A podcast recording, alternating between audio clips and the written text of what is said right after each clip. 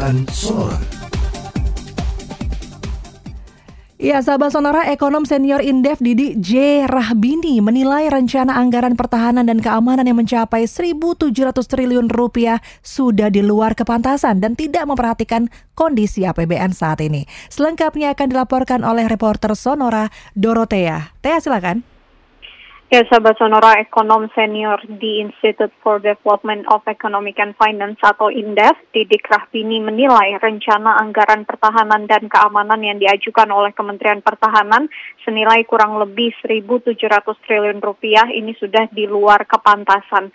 Menurut Didik, momentum rencana anggaran itu saat ini tidak tepat karena saat ini Indonesia tengah dilanda krisis akibat dari pandemi COVID-19 dan anggaran pendapatan belanja negara atau APBN saat ini dalam masa sekarat dan syarat utang yang tidak masuk akal.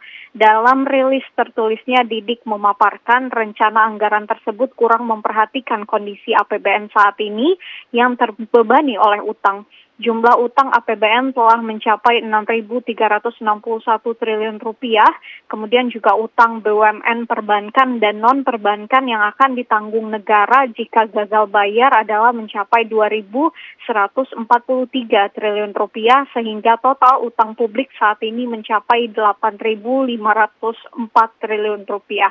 Didik memperkirakan di akhir periode pemerintahan ini akan mewariskan lebih dari 10 ribu triliun rupiah kepada presiden yang berikutnya. Selain itu saat ini juga tingkat kemiskinan naik sangat tinggi akibat dari pandemi COVID-19.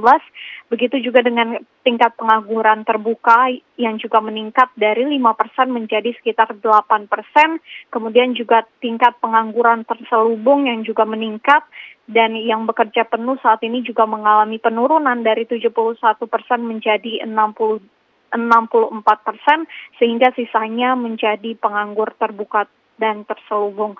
Sehingga menurut Didik dalam keadaan seperti ini tidak pantas anggaran yang besar tersebut diajukan dan juga dapat menguras anggaran pendidikan, kesehatan, dan anggaran daerah serta anggaran lainnya. Didik juga menilai saat ini ekonomi Indonesia juga menanggung beban berat karena anggaran kondisinya saat ini juga berat. Ia juga mengingatkan gabungan dari permasalahan APBN ini kemudian juga ditambah dengan kepercayaan publik yang merosot akan menimbulkan krisis. Karena itu kemungkinan krisis tersebut harus dapat dicegah dengan menguatkan kembali APBN dan juga agar lebih hati-hati lagi dalam perencanaannya dan mengembalikan pertumbuhan di atas tingkat moderat.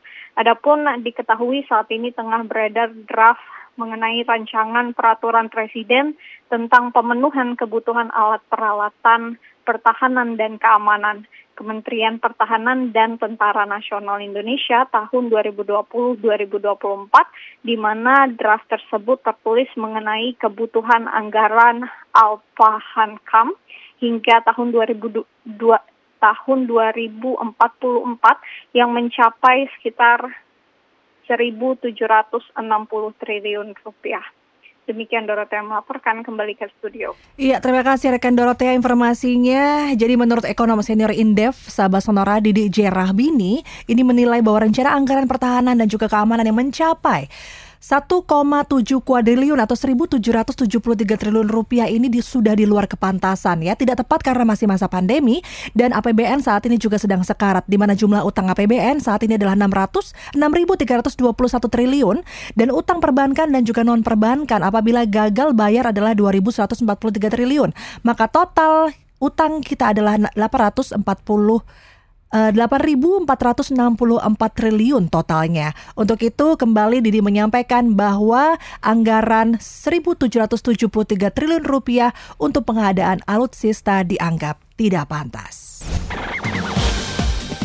Demikian liputan Sonora.